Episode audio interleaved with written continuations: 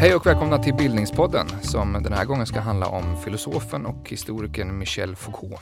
Jag heter Magnus Bremmer och sitter som vanligt i en studio här på Stockholms universitet. Denna gång tillsammans med två experter på ämnet. Ni får eh, presentera er själva. Jag heter Ulf Olsson. Jag är professor i litteraturvetenskap vid institutionen för kultur och estetik här på Stockholms universitet också. Verksam som litteratur och musikkritiker. Jag heter Magnus Sörnqvist och är docent i kriminologi vid Stockholms universitet och har skrivit ett par böcker om Foucault. Vem var Michel Foucault? Ja, han var ju en fransk kritisk tänkare kan man väl säga. Eh, han levde mellan 1926 och 1984. Han blev alltså inte så gammal. Och han liksom tänkte och skrev, tycker jag, på tvärs av universitetens ämnesgränser. Han jobbade inte så som vi tenderar att göra i olika ämnesfack. Och han var ju också professor i något som eh, kallades tankeformernas historia vid Collège de France i, i Paris. Var det något specifikt för Collège de France?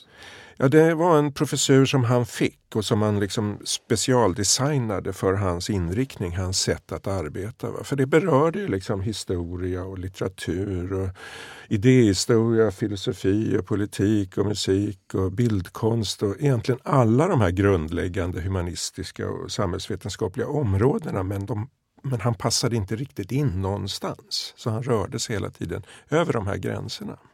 Vad var det hos honom som inte passade in? Jag tror det var eh, just detta, denna gränslöshet, att lägga sig i eh, på olika områden.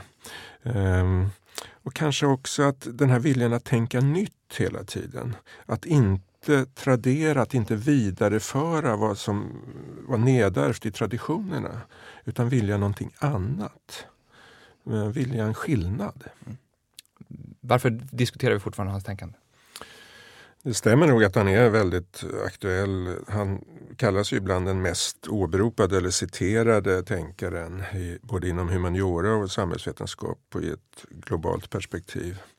Och jag tycker att det finns något uppfordrande i hans sätt att tänka, en, en sorts kritisk impuls. Det här att ifrågasätta vad som betraktas som normalt och självklart. Och det är ju väldigt inspirerande tror jag.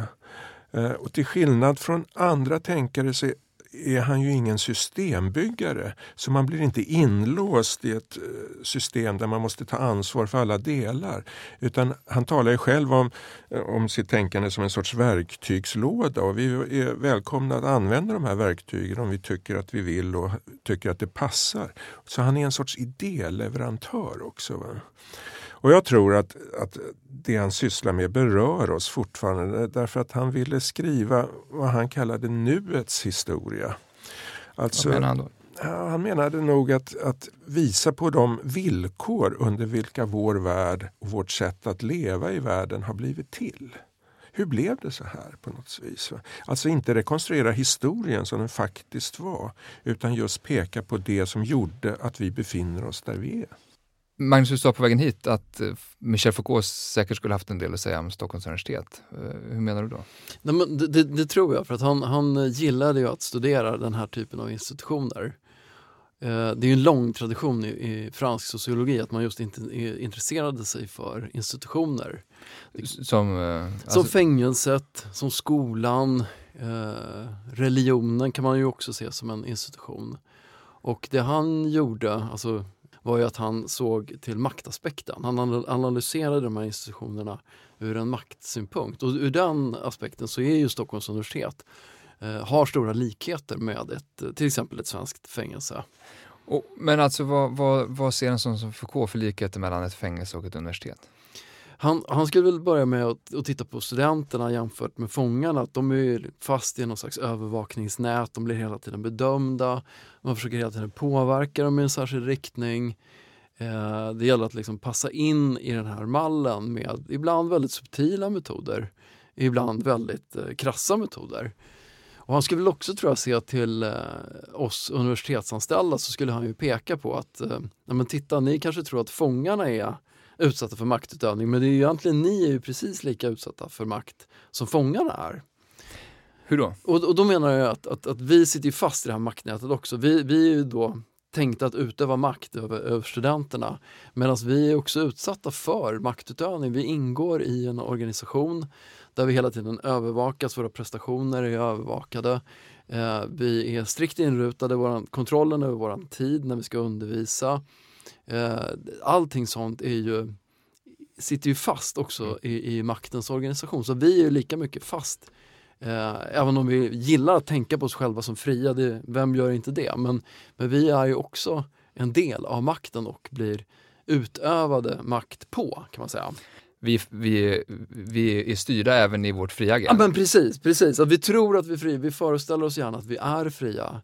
Eh, men, men just den friheten kanske är en effekt av att vi är utsatta för makt. Man blir nyfiken, finns det mer konkreta likheter mellan fängelser och universitet? Alltså, de, de, det, det värsta som kan hända i ett fängelse är att fångarna tar över kontrollen över fängelset. Det har ju hänt ja, ibland. Och, och, samma är det väl egentligen, sägs det som med, med Stockholms universitet, att när man då byggde det efter det radikala 68 så byggde man det på ett sånt sätt så att studenterna skulle få väldigt svårt att få kontroll över själva Alltså kårhusockupationen? Alltså efter kårhusockupationen och, och del, den radikala studentrörelsen mot Vietnamkriget.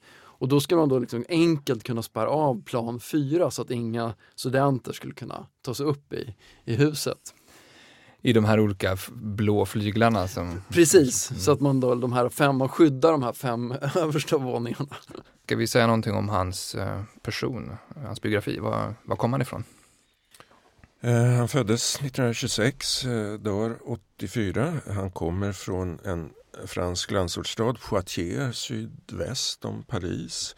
En liten sömnig håla beskrivs den väl ofta som vid denna tid.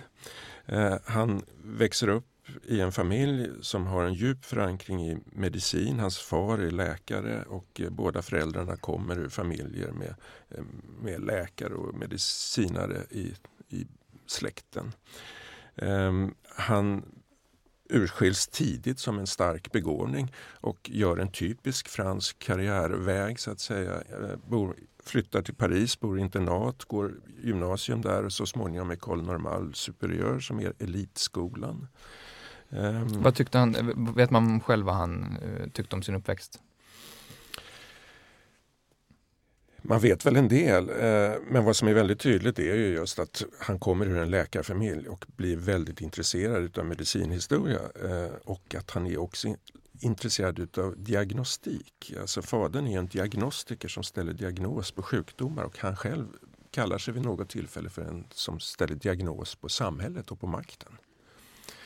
Eh, så det är klart att man får ju alltid med sig sådana saker men han gör någonting annat utav sin uppväxt än bara reproducera den naturligtvis. På vilket sätt reproducerar han den inte?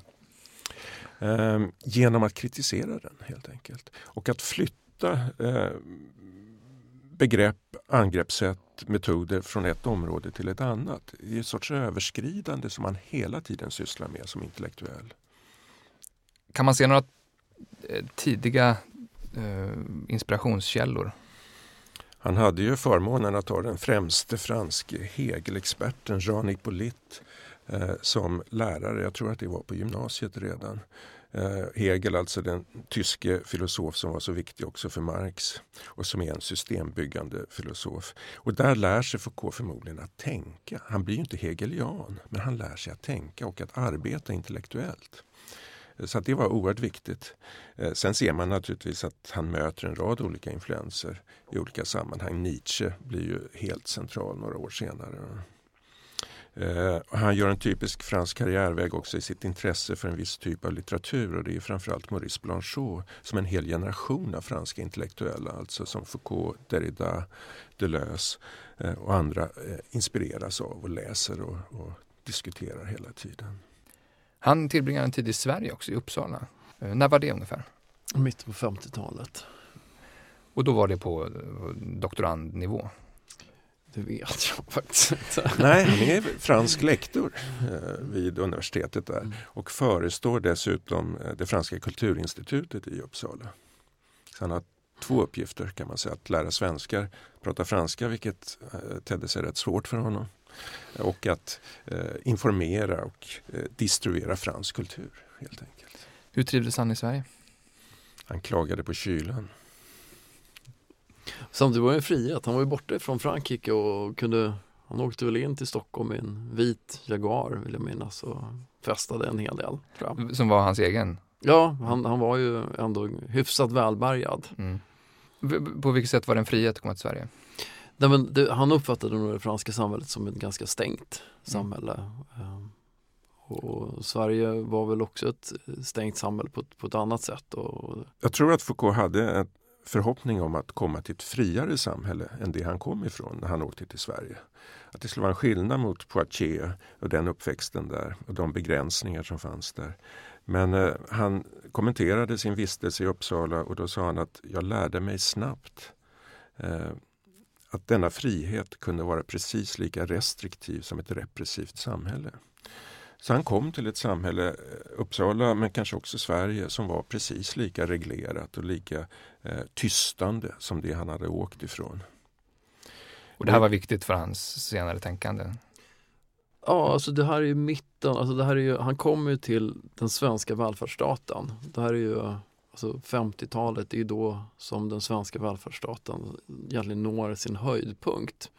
Um, och, och den, den, svenska välfärdsstaten är, har ju, det är många som skrivit om den att den, den har ett väldigt dubbelt drag. Att den, är, den är ju repressiv under ytan.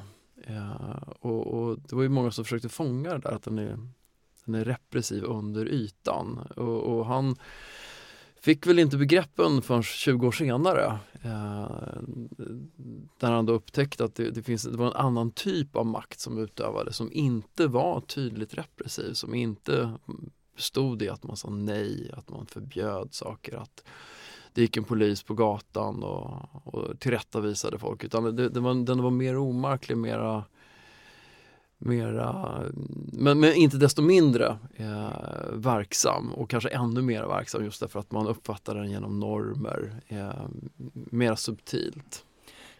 Eh, vad tog han med sig från Uppsala? Han tog framförallt med sig en vetenskaplig upptäckt som han gjorde där på eh, universitetsbiblioteket i Uppsala, Carolina Rediviva. Han upptäckte att där fanns en medicinhistorisk eh, samling som blev grundläggande för hans egen forskning och som närde denna forskning under många år framåt och som så småningom avsatte sig i sådana böcker som Vansinnets historia. Det var alltså väldigt viktigt och han, typiskt för Foucault också att han gick på det historiska källmaterialet. Han var ju, senare blev han ju eh, ganska tidigt berömd, en, en medial figur. Um, va, vad tror ni det där berodde på? Jag, jag tror att det fanns en motsägelsefullhet hos honom som person, eh, en spänning eh, och att han var just gränsöverskridande men han var också oerhört traditionell.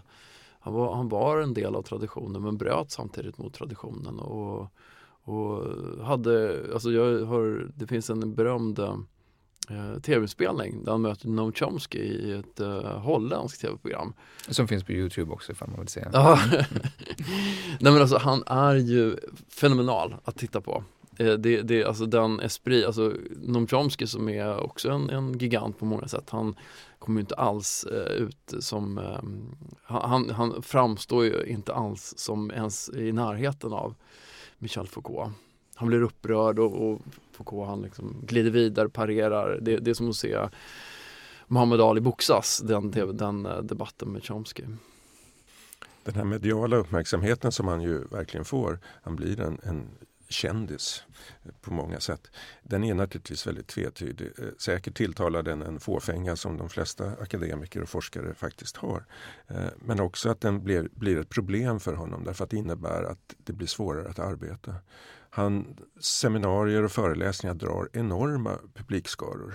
Och då försvinner det här gemensamma arbetet. Då blir det ju han mot alla andra. Och han klagar ofta över hur omöjligt det är att tänka eh, i sådana sammanhang. Så den mediala uppmärksamheten är störande också samtidigt som han ju faktiskt är oerhört intervjuad, omskriven, fotograferad och så vidare han fortsätter ändå att föreläsa. Han börjar inte arbeta på ett annat sätt när han blir så uppmärksammad. Han är ju under den senare delen av sitt liv professor vid Collège de France i Paris. Och där åligger det professorerna att hålla offentliga föreläsningar, en kurs varje termin. Och det fortsätter han att göra med något sabbatsår. Jag tror att de var tvungna att hålla 13 föreläsningar på ett år. Det var det enda som var eh, Eh, som de var ålagda att göra, vilket ter sig rätt så lite då jämfört med de institutionstjänstgöringsåligganden eh, som finns här på Stockholms universitet. Men ska man komma ihåg att prestera 13 eh, föreläsningar som skulle bygga på eh, genuint nyskapande forskning, det var nog inte helt enkelt. Eh, och man, man, tyng, man ser, det, nu publiceras ju de här föreläsningarna också. Det, man ser att de håller ju, tycker jag i alla fall, inte riktigt samma kvalitet kanske som de böcker han, han skrev.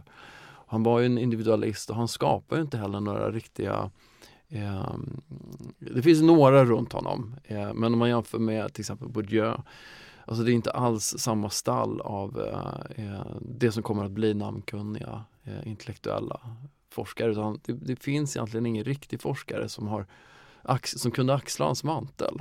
Ja, och det är väl det kan vara tillfälligheter men det kan också vara någonting i hon, hos honom, alltså den här individuella rörligheten eh, och oviljan också att knyta band, att, att samla en, en grupp av forskare runt sig. För att han skulle ju med lätthet eh, ha kunnat göra det. Foucault skulle väl ha drabbats av den kritik av den så kallade solistkulturen som har brett ut sig i den svenska akademin där allt ska vara samarbeten och projekt. Mm. Eh, men det är ju faktiskt de enstöriga tänkarna som brukar kunna tänka nytt. Det är då någonting händer. Eh, jag tycker nog att de här föreläsningarna som han höll på Collège de France, jag tror det är 12 böcker sammanlagt. Eh, jag håller med dig om att de tidiga volymerna där ofta är rätt trevande och innehåller mycket upprepningar från de böcker han redan hade skrivit eller var igång att skriva. Men de senare föreläsningarna som alltså handlar om subjektsformering, hur vi blir subjekt, hur vi blir människor för oss själva och som går tillbaka på ofta antika källor, tidigkristna källor. De är fantastiska och oerhört idérika och spännande. Och det tror jag kommer vara en, kanske den allra viktigaste i arvet efter honom. Att fortsätta det arbete som han där påbörjar. Och som ju också gäller de två sista banden i sexualitetens historia som är helt annorlunda det första bandet. Där händer någonting som, är, som aldrig avslutades. Mm.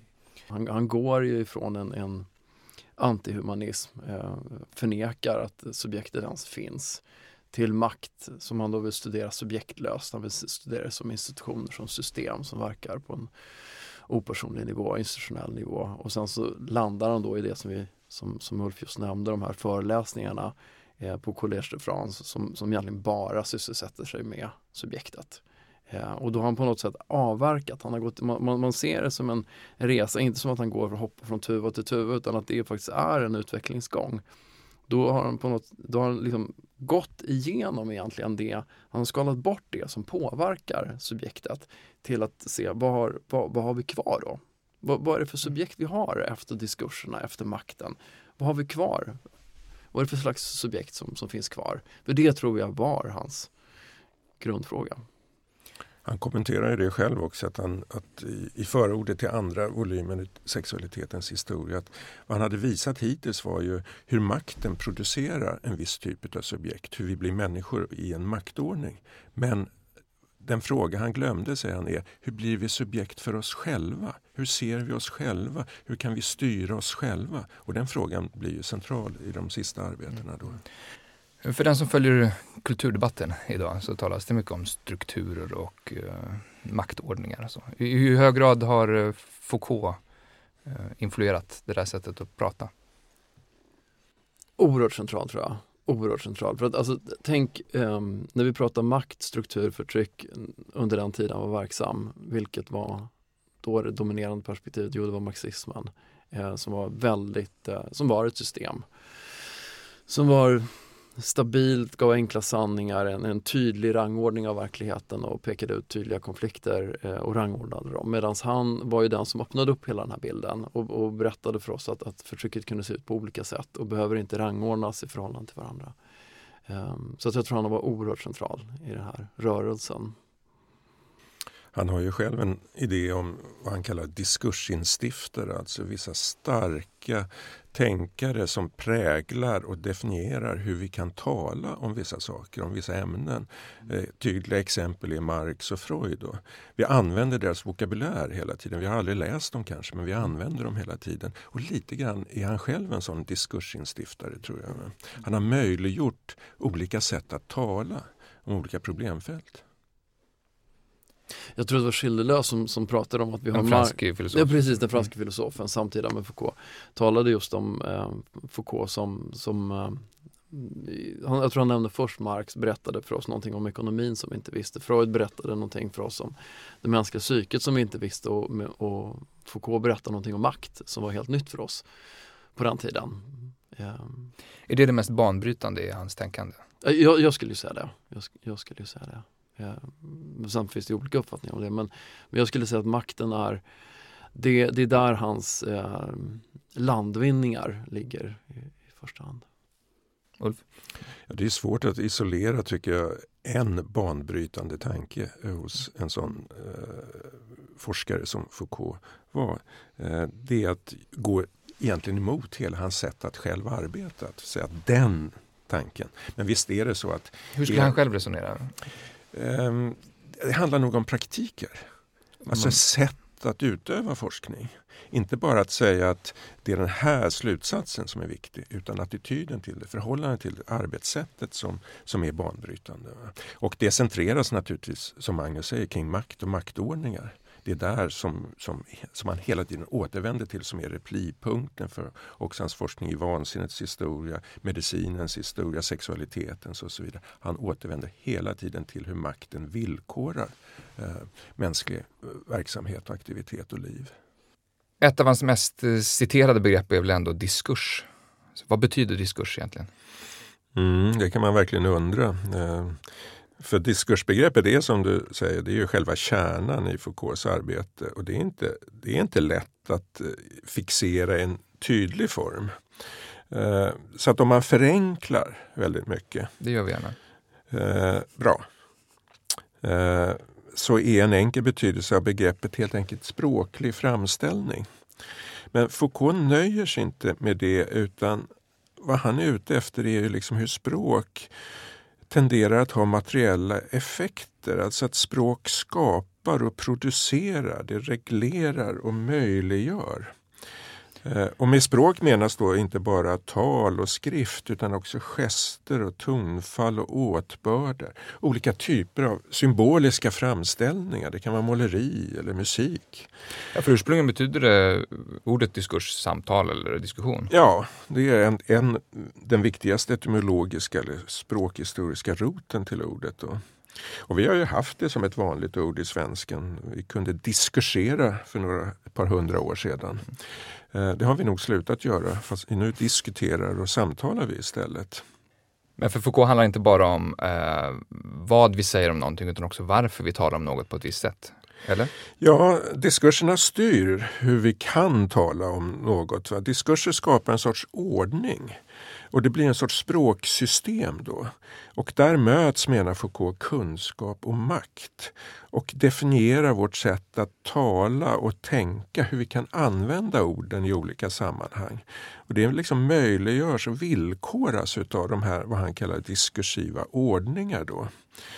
Så våra sätt att tänka oss själva till exempel, det är liksom något som bestäms eh, utav en ram som är diskursen. Då.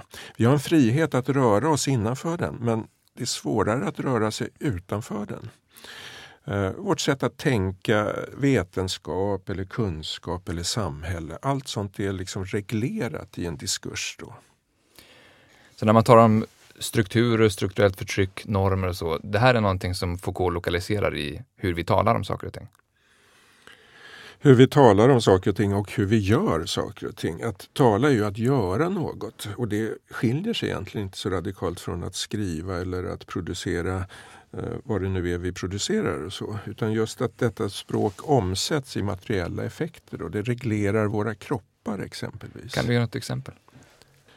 Ja, ett exempel eh, kunde vi väl använda ett av Foucaults viktigaste verk, alltså Sexualitetens historia som väl förmodligen är det mest lästa och mest spridda utav hans verk och särskilt då första bandet som handlar om den så att säga viktorianska epoken. Och den fråga han ställer där är ju helt enkelt hur kommer det sig att vi pratar så mycket om sex när det egentligen var förbjudet? På 1800-talet? Ja. Och vilka konsekvenser har det för oss idag? Hur förs det vidare? Och det visar sig ju att detta förbud att tala om något i själva verket rymmer just ett tal om som reglerar hur vi ser på sexualitet, på sexuella praktiker, på våra kroppar. Varför gör förbudet det? Därför att där bestäms vad som är möjligt att säga och inte säga. Vad som får yttras högt och offentligt. Eh, och vad som måste döljas för offentligheten. Och det blir alltså en sorts ekonomi kring det här. Då. En sorts balans som hela tiden måste iakttas och upprätthållas. Eh, apropå sexualitet, han var ju själv homosexuell, öppet homosexuell. Eh, hur påverkade det och, och det sättet homosexualitet bemöttes under den här tiden? Hans, hans liv och hans tänkande du frestar oss att vilja psykologisera Foucault här och eh, på det sättet avlegitimera hans arbete. Men eh, det tror jag inte alls att man behöver göra utan snarare är det väl så att, eh, att uppväxten, att upptäcka sin homosexualitet i en instängd katolsk eh, fransk eh, provinsstad gör naturligtvis att man får en känslighet för maktordningar, för normativitet, för de tystnader som man påtvingas. Och det är säkert något som, som livnär eh, Foucaults hela forskning hela sitt liv. Eh, sen blir han så småningom öppet homosexuell och han möter ju framförallt en homosexuell kultur i USA. Han är ju mycket i Kalifornien eh, i slutet av sitt liv men han intar en rätt tvetydig hållning till den. Eh, han intresserar sig för den homosexuella kulturen där, hänger sig åt den uppenbarligen befriad men också väldigt kritisk till försöken att politisera den, att organisera den homosexuella rörelsen. Så han har en väldigt tvetydig eh, förhållande till den där.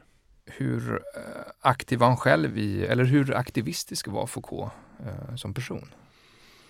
Som person vet jag inte riktigt. Han, han var ju under en lång tid av sitt liv en, en uh, sysselsatt han med att, att göra akademisk karriär uppfattades på 60-talet som en gaullistisk eh, streber, alltså att en, en, en höger, eh, en, en del av borgerligheten i, den, i det dåtida Frankrike. Um, som, en, som en lysande stjärna, uh, men, men inte det minsta aktivistisk. Så att hans analys av makten blev aldrig en, en, liksom ett upprop mot makten på ett mer aktivistiskt sätt? Så. Jo, men det kom senare. Det kom senare. Han, han var en tid i, i Tunis som hade varit en fransk koloni och, och där sker det. Det här är 66 till 68? Det här är mars 68 sker mm. ett uh, studentuppror mot Bourguiba som är president i, i Tunisien. Och um, han uh, undervisar ju på universitetet i, i Tunis. Uh, och det är ett studentuppror, alltså det här är tre månader innan maj 68 i Paris. Um, och han um, förfasas över att uh, studenter som delar flygblad döms till tio års fängelse och låter studenter tryck, trycker flygblad i hans eh, trädgård. Han har ett hus utanför Tunis och han gömmer studenter som är på, jagade av polisen. Och, och, och, det tror jag är startskottet för hans radikalisering som sen sker oerhört snabbt. Han läser in sig på hela den marxistiska litteraturen. Han går i polemik mot maoister i, i ehm, ehm, Frankrike när han kommer tillbaka till, till Paris och, och, är en del av, av den yttersta vänstern eh, i början på 70-talet i, i Paris och startar sen eh, den här eh, GIP, alltså gruppen för att informera om fångar i de franska fängelserna. Eh, och det är hans största aktivistiska projekt som får ett enormt eh, genomslag. Kan du säga något lite mer om det? Alltså efter 68 så dömdes en del, en eh, hel rad politiska aktivister till fängelse och möter där de, det som kallas för sociala fångar på den tiden. Alltså vanliga biltjuvar, inbrottstjuvar, bankrånare och allt möjligt och som har en helt annan social bakgrund. Och i det här mötet så, så så, så, precis som i Sverige för övrigt. Det var, skedde ju samma sak här. Inte att politiska aktivister dömdes men att man uppmärksammade vem och vilka som satt i fängelse och att det var helt fruktansvärt eh, som det uppfattades på den tiden. Eh, och eh, det är ju ursprunget till Övervakning och straff som är hans mest kända verk. Eh, för att han, han är ju en del av den här rörelsen mot de franska fängelserna. Eh, man uppmärksammar eh, den sociala bakgrunden hos människor som sitter på kanske tre års fängelse för att uh, ha stulit uh, en kassettbandspelare. Uh, och det, var ju, alltså det kom som en chock för uh, franska intellektuella. För man hade ju överhuvudtaget inte funderat över vem som satt i fängelser fram till dess. Och när man väl gjorde det så, så blev det egentligen motsatsen. Att man, det var det enda man pratade om ett tag och, och den fick en, ett enormt genomslag den här lilla gruppen. Det var en väldigt liten grupp. Eh, men som också hade grupper runt om, som sen startade grupper runt om i Frankrike. Så trots att, han, att det redan finns ett intresse för, hos honom för maktstrukturer och så vidare så, så är det ett slags politiskt uppvaknande under den här tiden? Eller? Det, det är ett jättespännande politiskt uppvaknande skulle jag säga som, som just leder till övervakning och straff. För att, för att det sker en, en, den här allmänna inläsningen som han gör med, som är extremt abstrakta positioner om, om klasskamp, om profitkvoter som, som är marxismen på den tiden. Som han, blir, han har ju alltid varit väldigt eh, eh Eh, det är rimmat väldigt illa med hans, eh, med hans eget tänkande. Men han, han låter sitt eget tänkande krocka med den här, det här abstrakta marxistiska idégodset. Eh, samtidigt som han är verksam i den här fängelsegruppen och möter de konkreta förhållandena i franska fängelser. Och, och, och, den krocken leder till att han, att han tittar bort ifrån det här abstrakta Eh, strukturella planet och bara koncentrera sig på hur, hur sipprar det här ner? Hur blir det här i praktiken? Hur blir det i de franska fängelserna? Och varför är det så i de franska fängelserna? Det finns ju en bakgrund till den här aktivismen, nämligen att 20 år tidigare så är Michel Foucault faktiskt medlem av det franska kommunistpartiet. Eh, och han tillhör en liten cell i partiet eh, och i cellen finner vi också exempelvis den senare så viktiga litteraturforskaren Gérard Genet och eh, den franska historikern Paul Vain som blir en personlig vän till, till Foucault. Men det franska kommunistpartiet kring 1950 var ett djupt stalinistiskt parti och gynnade inte självständigt kritiskt tänkande. Och eh, Foucault konstaterade också där att jag var ingen militant. Och det blev han väl egentligen kanske aldrig heller. Men han blev betydligt mer aktivistisk så småningom. Men efter den här tidiga vistelsen i kommunistpartiet så satsar han mycket riktigt på en akademisk karriär. Det finns ju andra uppmärksammade incidenter i hans liv eh, som särskilt liberala kritiker har uppmärksammat, nämligen hans stöd till som de har kallat det, Eh, till ayatollah Khomeini och den iranska revolutionen. Eh, bakgrunden till det var ju naturligtvis shahväldet i Iran som var ett av de mest repressiva samhällen som, som planeten har känt. Och att ayatollah Khomeini levde i exil i Frankrike. Så att den iranska oppositionen hade en viktig eh, fäste i Frankrike. Och Foucault fick kontakt med den. Och han var väldigt intresserad utav eh, den iranska revolutionen just hur religion och politik kunde mötas på nytt. Det var en väldigt märkligt fenomen tror jag för honom. Just att något som historien hade gjort omöjligt plötsligt var möjligt igen. Men eh, han var ju aldrig någon som direkt stödde eh, det som skulle komma att ske i Iran, den nya repression som sattes in där. Eh, han har också varit aktiv lite grann när det gäller mentalsjukhusen, reformen av mentalvården. Du är ju en litteraturvetare som använder mycket av Foucaults tankar. Um, kan du ge ett exempel på hur hans verktyg kan fungera för att synliggöra saker i litteraturen? Jag använde Foucault när jag sysslade med Strindberg och just den här frågan som tedde sig så självklart för samtiden också eftervärlden att Strindberg var sinnessjuk. Varför var den så viktig? Varför var det så viktigt att utmåla Strindberg som sinnessjuk och hur gick det till? Och Det var ett sätt att ställa Foucaultska frågor på en helt annan typ av material då än, än eh, han själv sysslade med, även om en av hans tidiga viktiga läsefrukter var Karl Jaspers studie i konstnärlig eh, vansinne och med exemplen van Gogh och Strindberg. Eh, så att Foucault var nog inte omedveten själv om, om, om problematiken. Eh, och jag kunde se där hur vad som var en politisk angreppspunkt på Strindberg så småningom gled in i vetenskapen och blev ett sorts faktum hos oss. Eh, och det hade att göra med den biografiska eh, vetenskapen och eh, möjligheten att, att hela tiden eh, verifiera eh, den kunskap man fick fram. Så där var Foucaults sätt att ställa frågor helt centrala. nu har jag skrivit en bok om en amerikansk rockband som heter Grateful Dead. Eh, och där använder jag också Foucault, inte så mycket för att förstå musiken men för att förstå den kultur som utvecklas här. Därför att det här bandet som fanns mellan 65 och 95, alltså under 30 år, utvecklades till en sorts resande cirkus och bildade ett sorts alternativ till eh, Ronald Reagans USA. Ett oerhört auktoritärt, militärt och brutalt samhälle. Eh, och här var en, vad Foucault kallade för en heterotopi ett annat rum, ett alternativt rum, lika verkligt som andra rum. Eh, och det var en möjlighet att se hur också här kunde utvecklas en, ett motstånd, en motkultur eh, i stark spänning till den omgivande normaliteten som härskar i mainstream America. Då.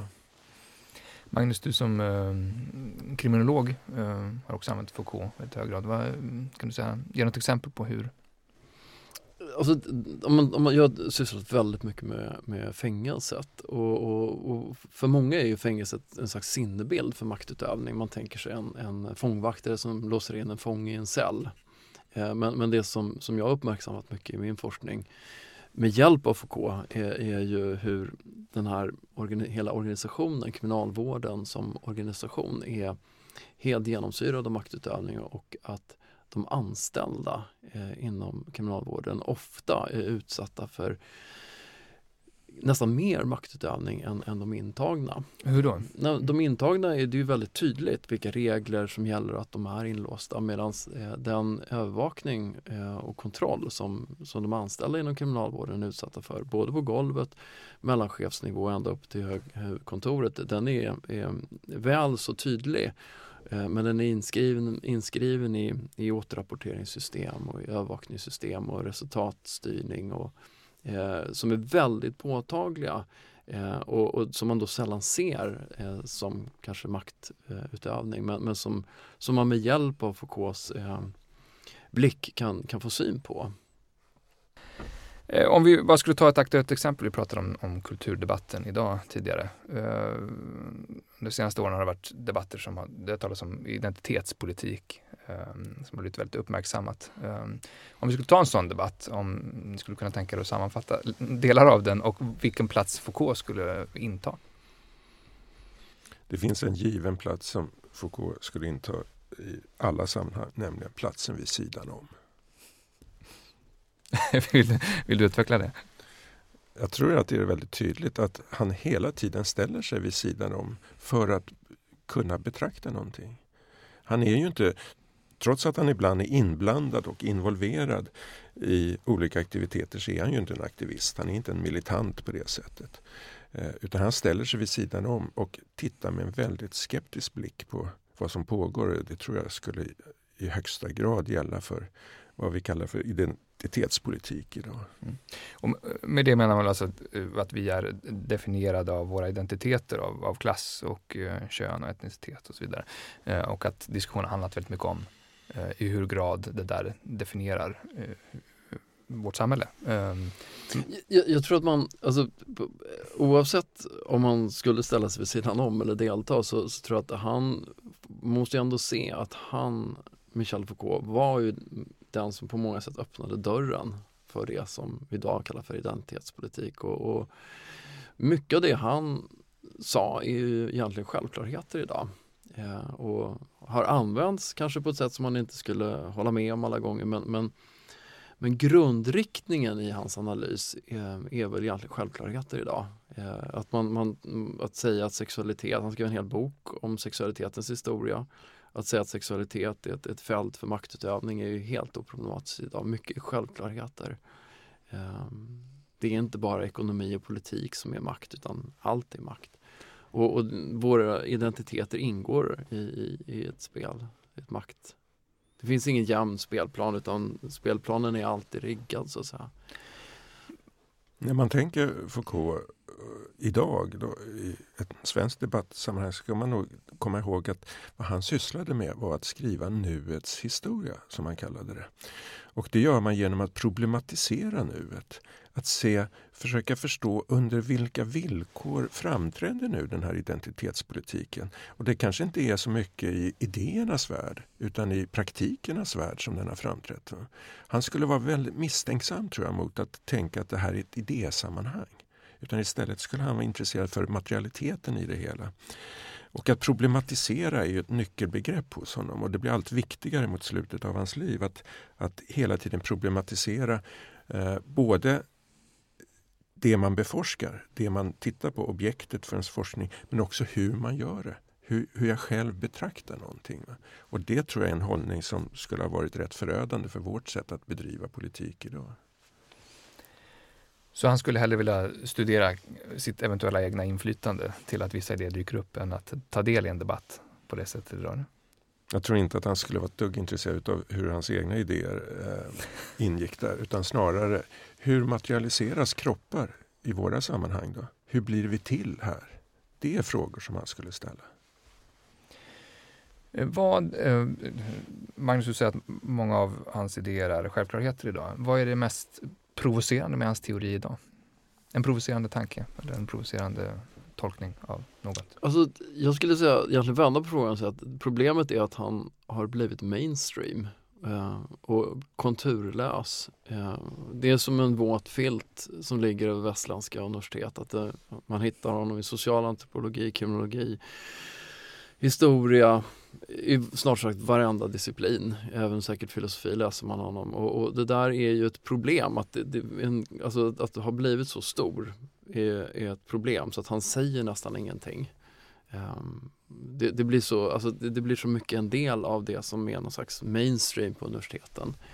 Så att problemet är inte att han är provocerande utan att han inte mm. är provocerande. Men om jag själv skulle lyfta Ehm, fram någonting så, så, så, tror jag att det, det, är det är det här marxistiska arvet. Det, det, det är det. Han, han har många ben. Han, Nietzsche är ett ben eh, som är jätteviktigt. Eh, men, men Marx är ett annat ben som är väldigt viktigt. Eh, och det, ehm, det är provocerande tror jag. Att man, man plussar hans väldigt konkreta analyser av vad händer inuti institutioner, hur påverkas individer av makt med en mer strukturell analys som finns eh, inom marxismen. Det får avsluta Bildningspodden för den här gången. Eh, stort tack Ulf Olsson, Magnus Holmqvist för att ni ville vara med. Tack. Tack. Och tack ni som har lyssnat. Ni kan som vanligt gå in och lyssna på tidigare program på bildningspodden.se och följa oss i sociala medier som Twitter och Facebook. Tack och hej! Du har lyssnat på Bildningspodden, en podcast från humanistiska fakulteten vid Stockholms universitet. Producerad av Magnus Bremmer och Claes Ekman. Podden spelas in på Språkstudion och tekniker är Henrik Nordgren.